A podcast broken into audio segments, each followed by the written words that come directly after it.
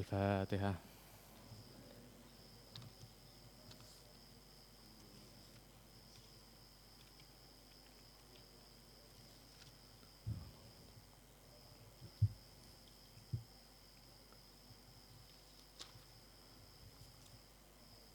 بسم الله الرحمن الرحيم. وقال المصنف رحمه الله ونفعنا بعلومه في الدرين والعالمين An Abdullah bin Abbas ahbarahu anna Rasulullah sallallahu alaihi wasallam ba'asah bi kitabihi rajulan wa amarahu ayat fa'ahu ila azimil bahrain. An Abdullah saking Abdullah bin Abbas ahbaro ngei kabar. Sapa Abdullah hu ing man anna Rasulullah sallallahu alaihi wasallam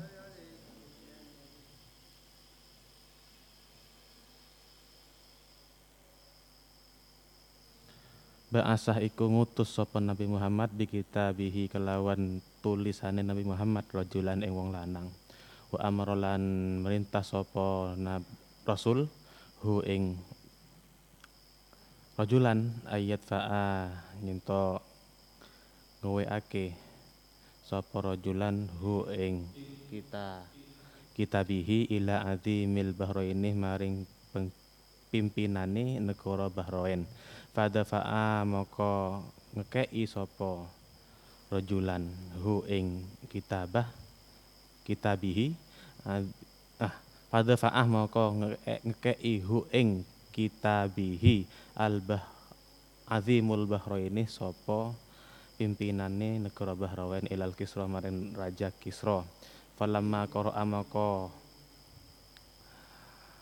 maca sapa uh, Raja Kisra? Mazakahu maka nyuwek-nyuwek sapa Kisra? Hu ing kitabihi. Fahasibtah maka fahasibtah maka nyono ingsun anna Ibnal Musayyab. Satune Ibnal Musayyab kolah iku uh, ngeriwayatake sapa Ibnu Musayyab fada'a. Ing riwayat fada'a alaihim Rasulullah fada'a doaake alaihim ing atase Kisra wa wa amatihim dan dan dan dan rakyatnya Rasulullah sapa Rasulullah sallallahu alaihi wasallam ayu mazzaku nyinto dan ucar acerake sop nyinto dan ucar acerake kullal mumazak ing sekabiane suwean. Jadi Nabi berdoa semoga kerajaan Persia itu dikocar-kacirkan seperti Raja Kisro menyobek surat Nabi. Ibnu Hajar menyimpulkan faidahnya atau kesimpulannya bahwa kita boleh mendoakan jelek kepada kaum non muslim kepada kaum kafir kepada kaum kafir ketika mereka itu melakukan hal-hal yang bersifat tercela seperti itu. Di bawah ada di di bawahnya keterangannya Jawa doa alaihim hina asa aul adab wa ahanul tidin. Jadi kita boleh berdoakan mereka maksudnya mendoakan hal, hal yang jelek ketika mereka itu melakukan adab-adab yang jelek dan menghina menghina agama. Gitu. Tapi ya kalau mereka gak menghina seperti yang kita seperti non muslim yang ada di sini di di Indonesia tetangga ya itu kita gak uh, berarti kebalikannya kita jangan mendoakan mereka hal-hal yang jelek. Justru kita diperintahkan oleh Nabi untuk mendoakan mereka supaya dapat hidayah, bukan menjelek-jelekan. Jadi doa jelek itu uh, diberikan, dipanjatkan ketika mereka mulai menyerang Islam, menghina. Nah itulah maksud dari hadis ini. Ya, lek, lek gak menghina, gak nyerang, ya jangan dimusuhi. Karena selain hablum minannas juga kita hablum eh selain hablum minallah juga hablum minannas. Anda pilih pilih mana sampean? Bertetangga dengan orang muslim tapi yo perampok atau dengan orang non muslim tapi dermawan? Ayo. Bingung, Pak?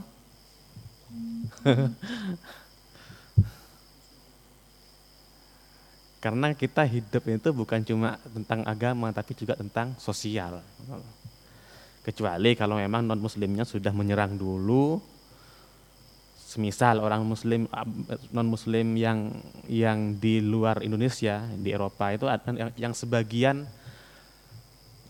mengkampanyekan Islam Islamophobia gitu loh bahwa Islam itu di digambarkan sebagai negara agama teroris lain sebagainya. Bahkan uh, dalam hadis lain se separah-parahnya, sekejam-kejamnya mereka itu kita juga harus mendoakan yang baik-baik juga bahkan tetap mendoakan mereka mendapatkan hidayah. Babul ilmi qoblal qawli wal amal. Bab kang nerangaken ilmu derajat ilmu itu sebelumnya kaul sebelumnya aksi. Nah, jadi ilmu itu di atasnya aksi. Jangan anda beraksi dulu tanpa ilmu. Wes beraksi merah-merah mikir. Nah, itu kan salah. Kolah Al Imamul Bukhari sapa Imam Bukhari radhiyallahu anhu liqaulillahi ta'ala maring mm, firman Allah ta'ala. Fa'lam merusiro annahu satune kelakuan la ilah satune Allah. Satune kelakuan la ilahu iku ora ono pangeran illallah kejaba Allah. Fabada amaka ngawiti sapa Allah bil ilmi kalawan ilmu. Jadi Allah itu mendahului kehidupan ini dengan ilmu. Yang di, apa yang dilakukan Nabi ketika Nabi telah menciptakan Nabi Adam Nah itu wa allamal asma. Gimana ayatnya itu? Mengajarkan berbagai nama. Jadi sebelum aksi itu memang harus ilmu dulu derajatnya.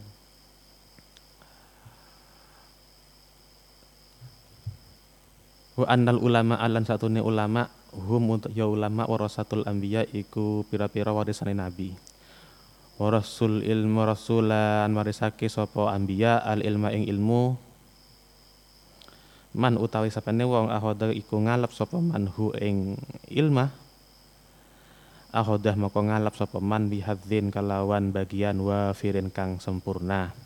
Wa man lan utawi sapane wong salaka iku uh, nempuh sapa man torikon ing jalan ya tulubu hale nyupri sapa bihi kalawan torik ilman ing ilmu sahalallah sahala maka gampangake Allah sapa Allah lahu maring man torikon ing jalan ilal jannati maring jannah surga. Jadi ulama itu warasatul anbiya. Maksudnya warasatul anbiya itu warasatul anbiya dalam segi ilmu, bukan dari segi harta, kepemimpinan, tapi dari segi ilmu. Itu ulama. Kalau kepemimpinan ya terserah. Yang penting ada ada banyak sistem ada demokrasi lain sebagainya. Tidak harus khilafah. Kan kalau khilafah kan itu dianggap sebagai warasatul anbiya. Tapi kalau ulama di sini diartikan sebagai pewaris nabi dalam segi keilmuan. Ya, keilmuan keagamaan seperti itulah. Makanya dibedakan antara ulama dengan umaro kalau ulama itu pewaris Nabi dalam segi keilmuan. Kalau Umar pemimpin. Dan barang siapa yang menempuh jalan uh, untuk menuntut ilmu, maka Allah akan memudahkan mereka, memudahkan jalannya menuju surga. Uh, Ibnu Hajar menafsirkan hadis ini ada dua. Pertama, to, uh, torikul ahiroh artinya jalan akhirat Contohnya Anda akan dimudahkan ketika yaumul bi'sah. Hari uh, yaumul hisab, terus apalagi melewati jembatan dan lain sebagainya. Anda akan dimudahkan. Yang pertama itu tafsiran yang kedua bahwa Anda akan dimudahkan dalam jalan-jalan duniawiyah. Maksudnya bukan jalan dalam artian sing aspalan itu bukan. Maksudnya adalah ketika Anda hidup di dunia Anda akan dibuat oleh Allah sibuk mengerjakan pekerjaan yang bisa membuat Anda masuk surga. Nah, itu tafsirannya. Ada dua. Torikul akhirat dan torikut dan uh, dan dunia. ada jalan akhirat seperti Anda dimudahkan Yomul bi'sah, Yomul hisab, lain sebagainya. Ada yang nomor dua yaitu di dunia. Wa qala lan ngendika sapa dan sapa Allah jalla hal agung zikruhu apa uh, zikir Allah. Innama angin pastine yahsyallah wa ing Allah min ibadihi saking kaulene Allah ul ulama usapa ulama. Nah ini yang ser, ini yang dibuat apa? Dalil sama salah satu ustadz kan ya dalam tanda kutip ustadz. Tanda kutip ustadz ini kan ayat sebelumnya minan nasih wal an'ami wad eh gimana? Wa minan nasi wal dawabi wal an'ami muhtalifun alwanuhu kadzalik. Innama yashallah min ibadihil ulama. Jadi disambungkan sama ayat sebelumnya bahwa minan nas dari manusia terus hewan dan segalanya lah itu semuanya makhluk itu muhtalifun alwanuhu bermacam-macam bentuknya warnanya dan sebagainya dan Nah, langsung kan ini kan dan barang siapa yang dan hamba, dan dari hamba-hamba Allah yang takut pada Allah, dia disebut ulama. Padahal menafsirkan itu gak harus munasabatil ayah kuwi gak harus munfasil. Bisa gak harus mutasil tapi juga bisa munfasil ayatnya. Gak harus satu ayat. Itu bisa saja satu ayat itu antara uh, nas yang lebih awal dengan akhir itu bisa saja tidak saling berhubungan.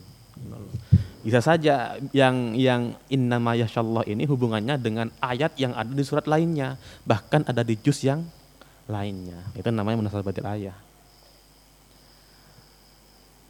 Dan al ulama di sini sudah ada alnya, berarti menunjukkan spesifik dia sudah, sudah makrifat, sudah spesifik.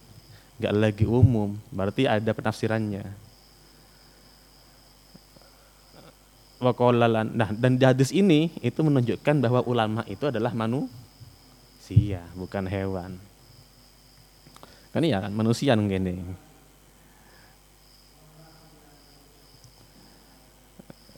binatang coba binatang. Apa ada binatang yang yang berani ke Allah?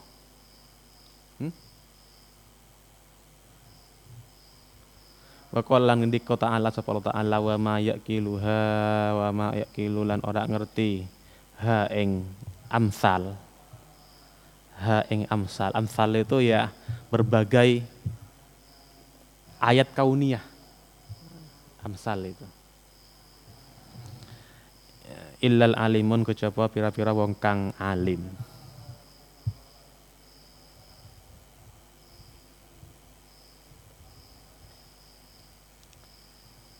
Jadi dunia itu sebenarnya penuh dengan ayat-ayat yang bersifat kauniyah. Ya ayatnya Allah kan cuma bukan cuma Al-Qur'an, bahwa ada juga tanda-tanda Allah yaitu adalah segala yang ada di dunia ini. Sampai kalau bahas sampai fisika kui kan sampai ada black hole.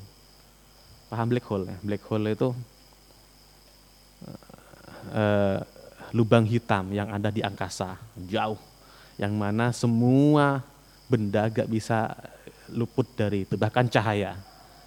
Kalau kita kan nggak cahaya ini kan kan kan nggak nggak ada gravitasi tapi kalau black hole itu ada.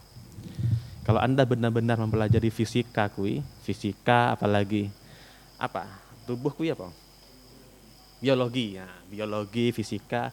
Kalau benar-benar kuat imannya insya Allah akan semakin kalau benar-benar sudah punya iman insya Allah bakal tambah kuat tambah meyakini keesaan Allah tapi kalau tidak didasari dengan tidak dibentengi dengan iman dulu, maka akan ateis lama-lama. Kan banyak tokoh-tokoh yang ateis, fisika. Yang meninggal kemarin loh, yang nggak bisa jalan, Hawking. Thomas Thomas Hawking, eh Thomas Hawking siapa? Thomas Hawking. Kebanyakan kan orang ateis mengatakan bahwa dunia ini tidak diciptakan, tapi merupakan hasil dari uh, ledakan besar. wa qala lan ngendika ta'ala sapa ta'ala wa qalulan ngucap sapa kufar lau kuna lamun ono eh, kita nasma'u iku krungu au nakilu utawa ngerti makunna moko ora ono kita fi ashabi sair iku yang dalem panggonan neraka kang banget murupe Jadi yang paling penting itu yang paling penting dilakukan pertama adalah al ilmu qoblal qaulih dan wal amal. Jadi jangan Anda itu pidato dulu lalu berpikir mutolaah masalah. Jadi sebelum pidato Anda harus mutolaah. Dakwah dulu baru mutolaah, salah. Jadi harus ilmu dulu baru aksi ya gitu kan. Teori dulu baru aksi. Dengan Anda aksi dulu baru teori, ya salah lah setelah Anda mengerjakan, Anda perlu belajar. Contohnya keramik ini. Anda masang keramik. Gak tahu ilmunya, murah-murah masang. Setelah belasang baru Anda mikir. Ternyata salah kan gitu kan. Jenis semen ternyata indikasinya pasir.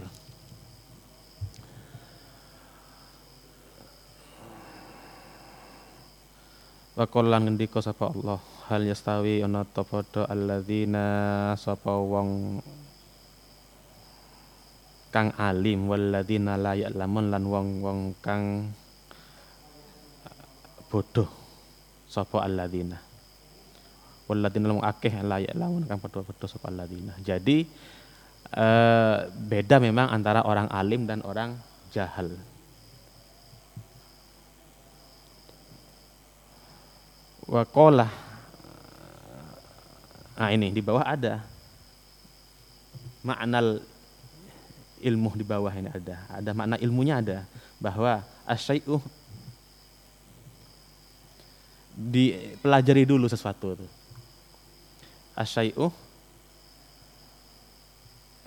dipelajari dulu sumah yukoluh lalu diucapkan dan terakhir yuk maluh lalu di uh, diamalkan itu itu martabatnya, apanya, e, prosesnya.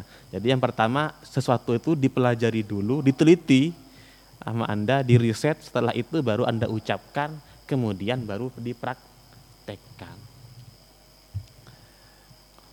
Fal ilmu muqaddamun alaihima bidzat. Jadi ilmu itu didahului daripada kaul dan amal.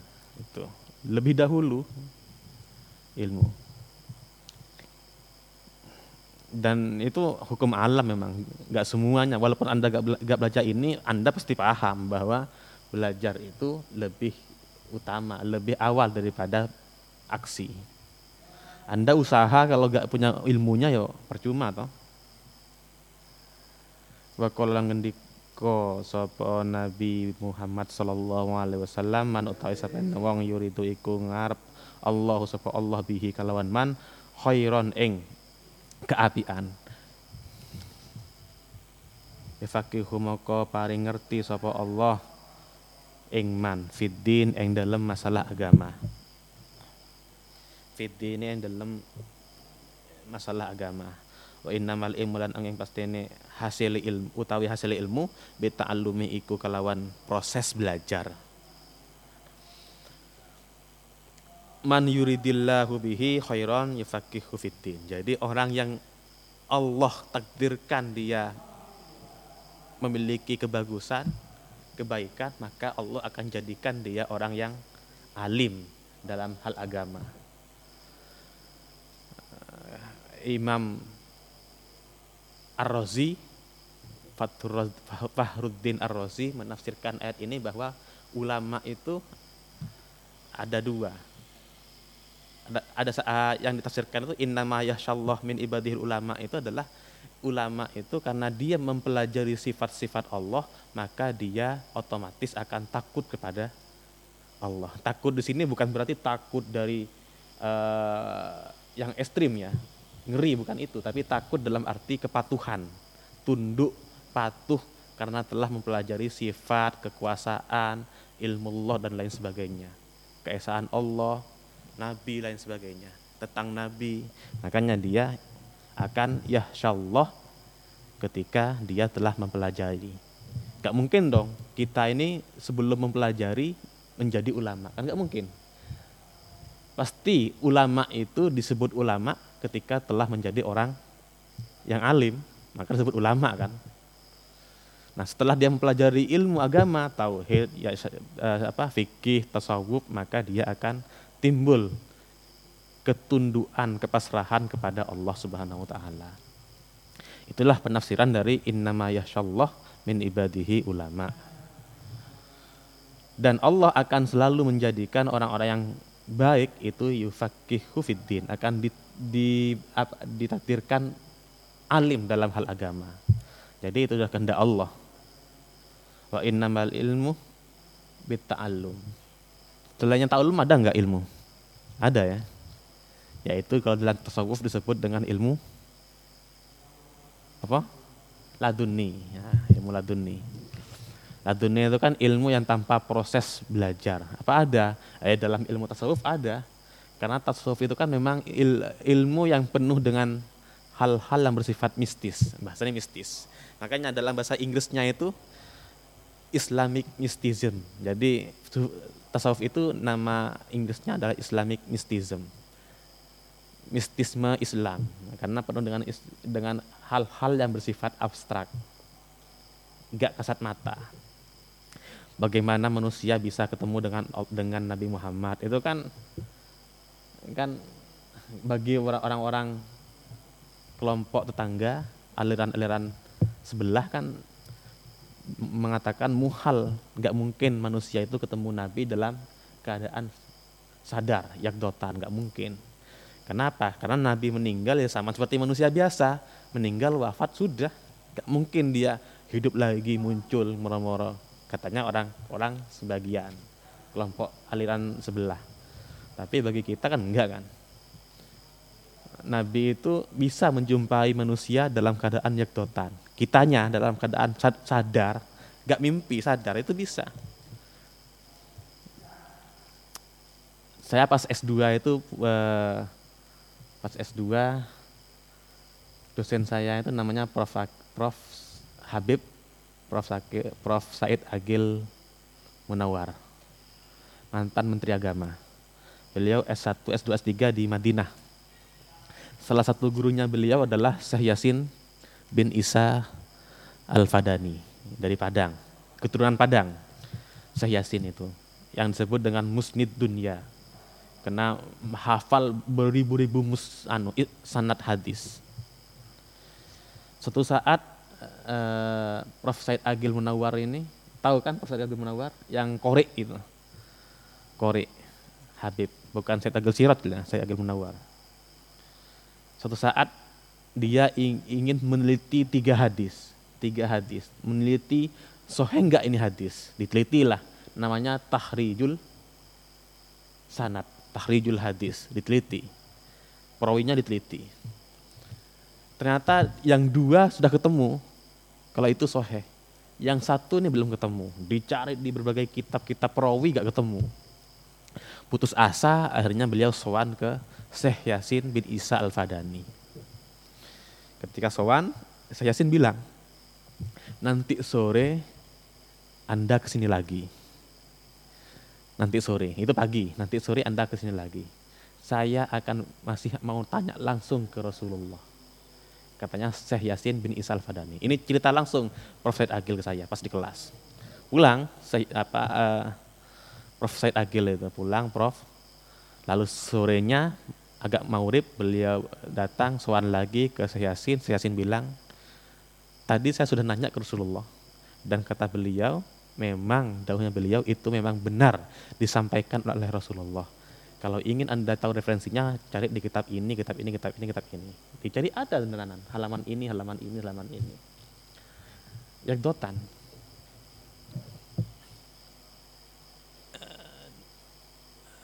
Siapa lagi? Imam Ghazali Imam Ghazali itu membuat kitab Ihya itu banyak para uh, pengkritik itu yang mengatakan bahwa hadis-hadis dalam kitab Ihya itu kebanyakan doif. Bahkan ada ada kitabnya.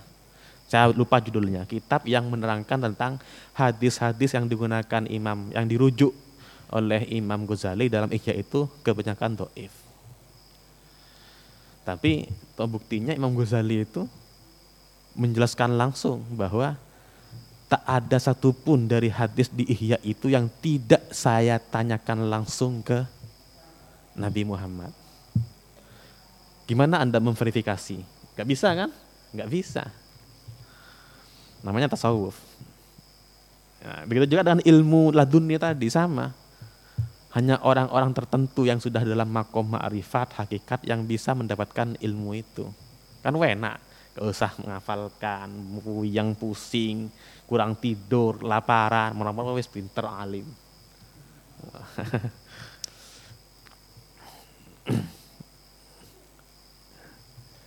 Wakola lam ngendiko Abu Dharrin sapa Abu Dharrin.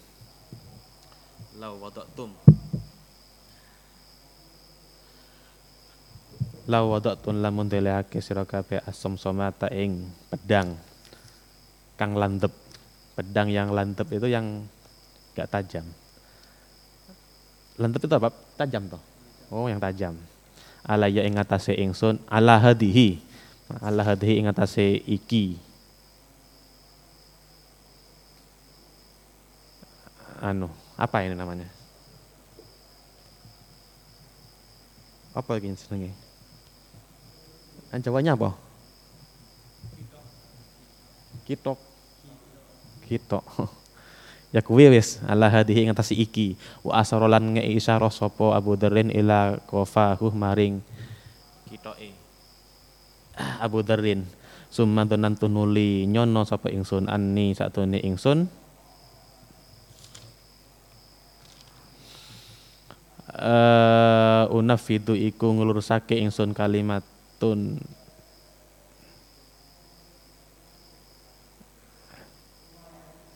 unafiduh iku nglurusake ingsun kalimatan ing siji kalimat sami tuha kang krungu ingsun ha ing kalimat minan nabi saking nabi Muhammad sallallahu alaihi wasallam. Qabla an tujizu saturunge nyento nglurusake sira kabeh alaya ing atase ingsun la amfattuha mongko nglurusake ingsun ha ing kalimat. Wa qala Ibnu Abbas radhiyallahu taala anhuma anhuma itu berarti kembalinya ke Ibnu Abbasnya dan Sayyidina Abbas kunu dadi sira kabeh robbaniyin iku pira-pira ulama robbani ulama ategese pira-pira ulama kang dermawan, fuqaha kang ahli fikih, ulama ah tur ahli tur alim. Jadi yang dimaksud robani itu apa? Wa yuqalu lan den den, den ucapake ar-robani utawi robani yu. Robani ulama robani alladzi iku wong yurabbi kang didik anna ing manungsa bisigoril ilmi kalawan cilike ilmu qabla kibarihi saturunge kumedene ilmu. Jadi robani itu pendidik, guru, ustadz, ulama yang paham tentang fase keilmuan seseorang. Itu intinya, wes. Bahwa anak kecil ula itu gak bisa di, diajari langsung kitab tauhid atau kitab fikih majmu syarah muhadzab. Gak bisa, gitu loh. Tapi e, Ibnu Hajar mengatakan robani ada dua. Ada dua riwayat. Robani itu, ulama robani itu diambil dari kata-kata robbun, Tuhan, ada yang diambil dari kata-kata tarbiyah atau pendidik.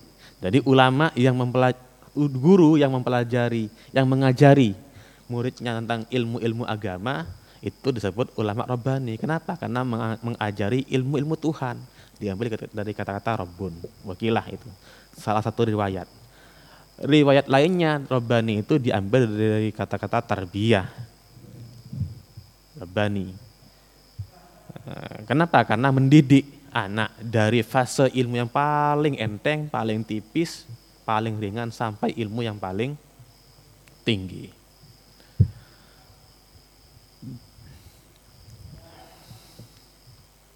Babu yata'ahadu ashabahu sallallahu alaihi wasallam bil mau'idati wal ilmi kaila yanfiru. bab kang nerangaken ngrekso ngreksone Nabi ngrekso sapa Nabi Muhammad ashabahu ing sahabatnya Nabi Muhammad bil mauidah kalawan mauidah wal ilmi lan ilmu kaila supaya ora yang firu lumayu. Bosen sapa ashabihi ashabah ya ashabihi. Biar gak bosan Jadi bab ini menerangkan tentang Nabi itu ketika menyampaikan mau idoh, pelajaran, ilmu, diskusi, seminar, kajian, itu pasti Nabi memilah-milih hari gitu loh. Kenapa? Karena biar para ashab, para teman-teman Nabi itu tidak, para sahabat Nabi itu tidak bosan orang-orang. Makanya kenapa? Nah ini hadis ini katanya Ibnul Qayyim nanti hadis ini menjadi dasar salah satunya kenapa kok hari Jumat dan hari Selasa itu dijadikan hari pot hari utlah untuk ngaji karena itu tradisi dari Nabi memang Nabi itu ketika mau idoh itu atau mengisi kajian ngaji ngaos Nabi itu pasti pilih-milih hari kebanyakan itu Nabi katanya uh, sebuah hadis banyak hadis dikatakan Nabi itu hari Jumat Nabi itu telah libur Gak tiap hari Nabi itu ngajak. Kenapa? Khawatir sahabat itu bosan dengernya gitu loh. Karena sahabat juga manusia. Gitu. An Abdullah saking Abdullah bin Mas'ud radhiyallahu anhu qala ngendika sapa Abdullah kana ono an Nabi sapa Nabi Muhammad sallallahu alaihi wasallam yatahawwaluna iku. Milah-milih sapa Nabi Muhammad na ing kita bil mauidati kalawan ngei mauidah bil fil ayami ing dalam pira-pira dina. Karohatas samati krono khawatir bosen alaina ing atase kita krono khawatir terjadinya bosen alaina ing atase kita jadi Nabi itu pasti memilah-milih hari hari apa yang pas ya buat mengisi kajian you know loh karena khawatir sahabatnya itu dilanda kebosanan. Nah, itu, itu.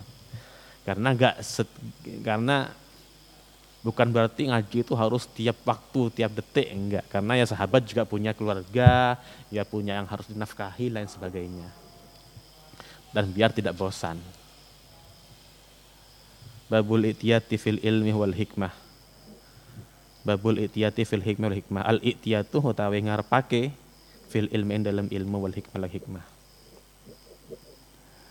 Kola Umar bin Khattab radhiyallahu anhu tafaqahu podo ngerti sira qabla an tusawwadu yang dalam saat turunnya nyento dan tadi akib pimpinan sira kabeh.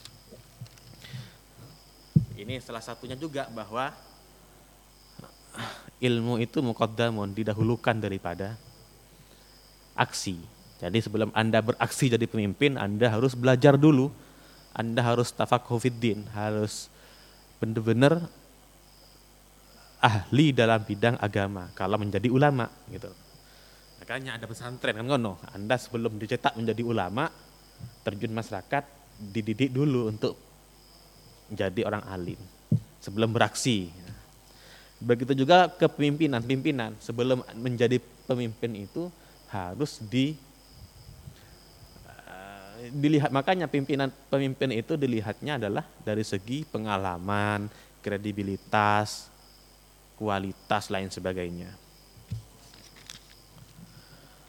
Babu bab ini nerangkan tentang keutamaan ilmu wa alamah dan mengajar ilmu. An Abi Musa dari Abi Musa anin Nabi dari Nabi Muhammad sallallahu alaihi wasallam. Qala masaluma ba'asani? Allahu bihi minal huda wal ilmi. Masaluma utawi perumpamaane perkara ba'asani ngutus ni ingsun Allah sapa Allah bihi kalawan. Ma minal huda saking pitutu wal ilmi lan ilmu. Kama salil waisi iku kaya uh, um, perumpamane udan. Al kasiri kang wakeh aso bekang nekani opo kois ardon ing bumi. Bahkan nama ko ono bahkan nama ko ono minha sangking ardon nakiyatan iku dadi bumi kang bersih nakiyatan iku dadi bumi kang bersih qabilatil ma. Nerimo apa nakiyah alma ing banyu. Fa ambatat fa ambatat maka nyukulake apa nakiyah alkala ing alkala ing suket kang kering. Wal usba al kathir wal usbalan suket kang teles al kathir kang akeh. Wa kana lan ono minha iku saking ard uh, ardon minha saking ardon aja dibu apa bumi kang tandus aja dibu apa bumi kang tandus amsakatil ma amsaka kang uh, nahan apa aja dib alma ing banyu. Fana moko maring manfaat Allah sapa Allah biha kalawan ajadib annasa ing manungsa. Fasyaribu moko ngombe sapa nas wa sakaulan ngalirake sapa nas wa zaraulan apa jawanya zaraul nandur. Nah nandur. Wa zaraulan nandur sapa nas wa asob titik wa asobelan uh, nekani. Apa? Se se se algois lan nekan nan nekani apa algois minha saking ardon ifatan bumi ukhra kang liya. Innama hiya ing tani hiya utawe ifatan ukhra ki anun iku pira-pira bumi kang rata. Ki anun itu bumi yang rata. La tumsiku kang ora nyegah. Latum siku kang ora nyegah apa ki anun maan ing ing banyu. Wala tumbitulan ora uh, nyukulake apa ki anun kalaan ing suket. Jadi ada tiga perumpamaannya oh, nabi itu diutus oleh Allah dengan huda dengan hidayah dan ilmu. Itu seperti air yang diturunkan dari langit ke bumi yang mana akhirnya punya tiga akibat. Pertama bumi yang bisa menyerap air akhirnya tumbuh tumbuhan. Ada buah ya ono sayur ono uh, macam-macam lah. Nomor dua bumi atau tanah yang tandus yang bisanya cuma menahan air menjadi su sungai. Akhirnya dari sana manusia mendapatkan manfaat untuk minum dari sumber mengalirkan air untuk eh, bercocok tanam lain sebagainya. Dan nomor tiga ini yang parah apa? Tanah yoga bisa nahan air yoga bisa numbuhkan tanaman. Namanya tanah tandus. Kayak padang pasir seperti itulah. Nah orang yang menyerap ilmunya Allah ilmunya Allah dari Nabi Muhammad itu ada tiga orang ini tipenya. Kenal fadalikah mako utawi mengkono mengkono anwaul ardi. Masalun iku perumpama masaluman iku perumpamaane wong fakuha ngerti sapa man fi dinillah ing dalam agamane Allah wa nafa'ahu wa nafa'alan manfaati hu ing man ma apa perkara ba'asane kang ngutus ing ingsun Allah sapa Allah bihi kalawan ma. Fa'alimah maka ngerti sapa man wa allamalan mulang sapa man. Jadi yang pertama itu bumi yang pertama itu orang yang mempelajari ilmu mendapatkan manfaatnya alim serta alam serta mengajarkan serta mengajarkan tidak cuma alim tapi juga menjadi muallim gitu loh. Nah, itu contoh yang pertama, orang yang pertama. Kenapa? Karena dari muallim lah akan tumbuh para orang-orang alim baru. Dari tanah yang bisa menyerap air lah akan tumbuh berbagai tanaman. Nah, wa masaluman lan perumpam lan contohe wong lam yer kang ora ngangkat sapa man bidzalika kalawan mengkono-mengkono. Eh ngendi iki? Ma ba'asani bidzalika kalawan mengkono-mengkono ma ba ma ba'asani Allahu bihi roksan ing sirah. Walam yukbalan ora lam yakbalan ora nerimo sapa man. Hadallah ing pitutuni Allah alladzi ursil tukang dan utus ingsun bihi kalawan alladzi. Jadi banyak ada orang yang cuma alim tapi tidak menjadi muallim. Nah, yang bertiga ini yang parah. Orang yang nggak nggak bisa nyerap ilmu, juga ya enek manfaatnya, Jadi orang bodoh yang nggak ada manfaatnya. Itu seperti bumi yang nggak bisa menampung air dan nggak bisa menyerap air. Iya coba, nggak bisa menampung air, nggak bisa menyerap air. Kayak apa? Tan anu tandus, bukan pasir. Kalau pasir bisa nyerap kan. Kayak ya, iya benar itu. Kayak itu cadas kayak gitulah. Ya kuwi nggak bisa kan nyerap air. Nggak bisa tumbuh, yang bisa cuma lumut, nggak berguna juga.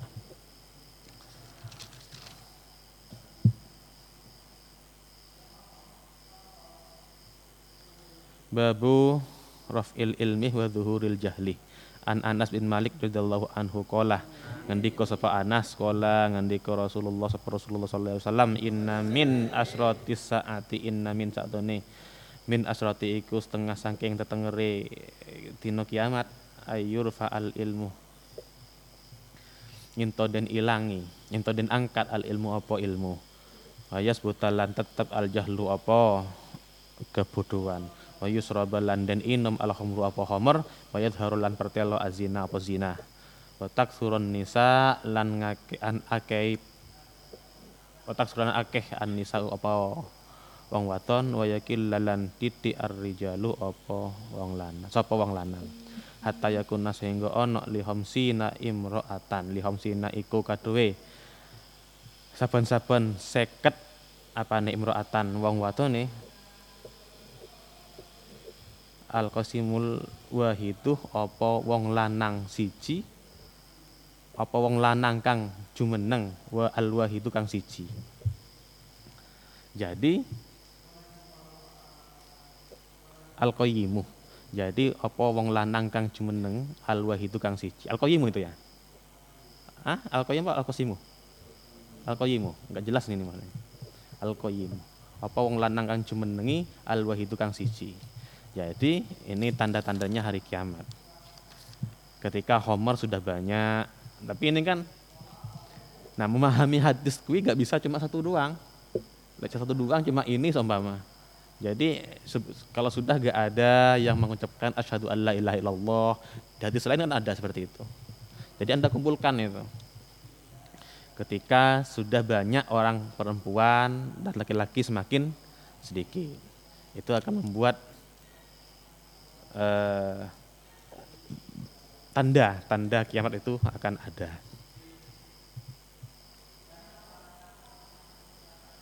Babuman adal hadis tasalasan. Jadi bab yang menerangkan orang yang menceritakan sesuatu di bulan balenin sampai tiga kali man wong ada kang balene sapa man al hadis ing. Hadis cerita pembahasan maksudnya. Jadi orang yang membolang mem, apa mengulang-ulangi pembahasan tiga kali. An Anas bin Malik radhiyallahu anhu anin Nabi sallallahu alaihi wasallam. Annahu kana satune Nabi Muhammad kana iku ono. Idza takallama iku tekalane uh, dawuh sapa Nabi Muhammad bi kalimatin kalawan kalimat. Aadah moko bolan balen sapa Nabi Muhammad ha ing kalimat salasan. Kalawan telu ambalan. Hatta sehingga tufhama paham. Sehingga paham anhu sangking Nabi Muhammad wa idza atalan tekalane teko sapa sapa Nabi Muhammad Allah kaumen ing atase kaum fasallam maka ngucap salam sapa Nabi Muhammad alaihim ing atase kaum salasan kalawan telu ambalan. Jadi ada tiga kali Nabi itu sering ketika berdiskusi menerangkan Nabi sering mengulang-ulangi pembahasan sebanyak tiga kali sebanyak tiga kali bahkan Nabi juga sering mengucapkan salam ketika bertamu ke rumah orang sebanyak tiga kali. Wakolah dan menurut Ibnu Hajar, kalau yang salam itu, itu mungkin menurut ulama mungkin Nabi itu khawatir orang yang didatangi itu tuan rumahnya nggak dengar. Nah, Makanya tiga kali. Tek, tek, tek. Assalamualaikum. Tiga kali. Tapi kalau yang pertama ini memang untuk paham itu biar harus diulang ali, harus di bulan baleni. Apa harus tiga kali? Ya sunnahnya tiga kali sesuai dengan hadis. Tapi semakin banyak semakin bagus, toh. Semakin banyak anda mentakror il, apa, pelajaran semakin bagus. Gak harus tiga kali, sunnahnya tiga kali. Makanya namanya kan mafhum muafakoh. Berarti kalau di bulan baleni semakin banyak semakin bagus. Gak harus tiga kali, semakin banyak. Wallahu a'lam.